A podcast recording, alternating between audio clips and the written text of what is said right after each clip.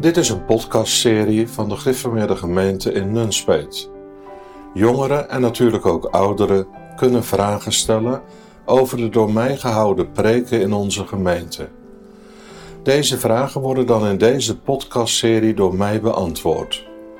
We hopen dat de Heer ook dit middel wil gebruiken tot de uitbreiding van zijn koninkrijk en dat het tot verduidelijking en verder onderzoek mag dienen.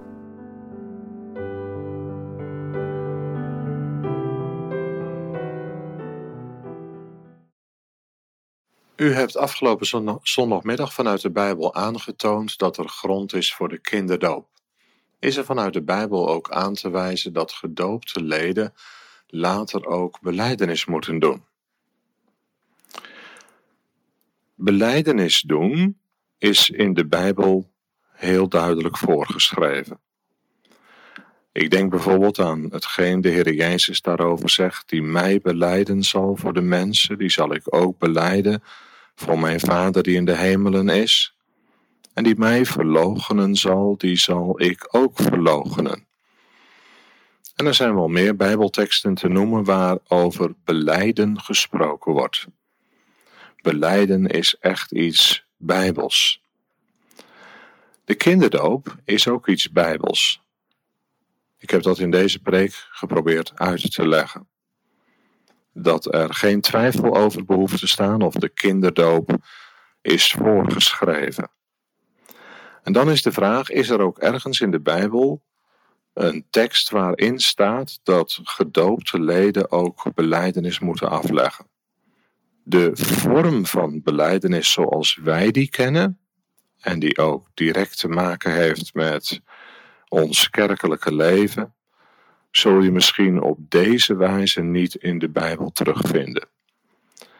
Maar de betekenis ervan is voluit Bijbels. En de kinderdoop is Bijbels. En het afleggen van beleidenis is Bijbels. En daarom geloof ik dat we met die kerkelijke beleidenis echt in een goed spoor gaan. Als we dat loslaten, dan heeft dat ook allerlei gevolgen voor het kerkelijke leven.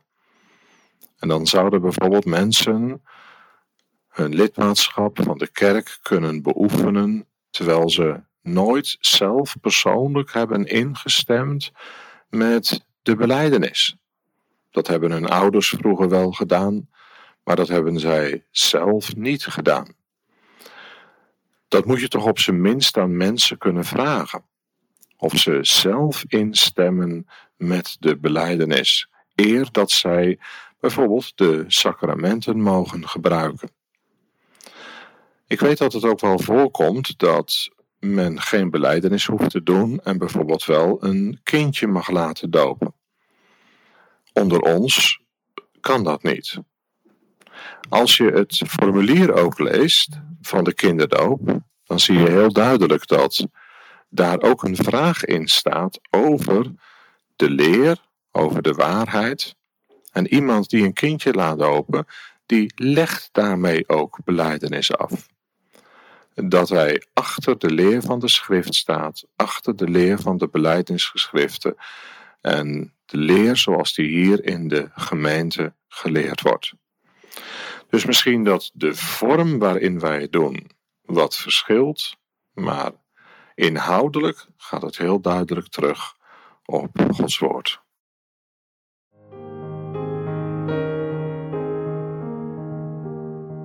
Heb jij nu ook een vraag over de preek?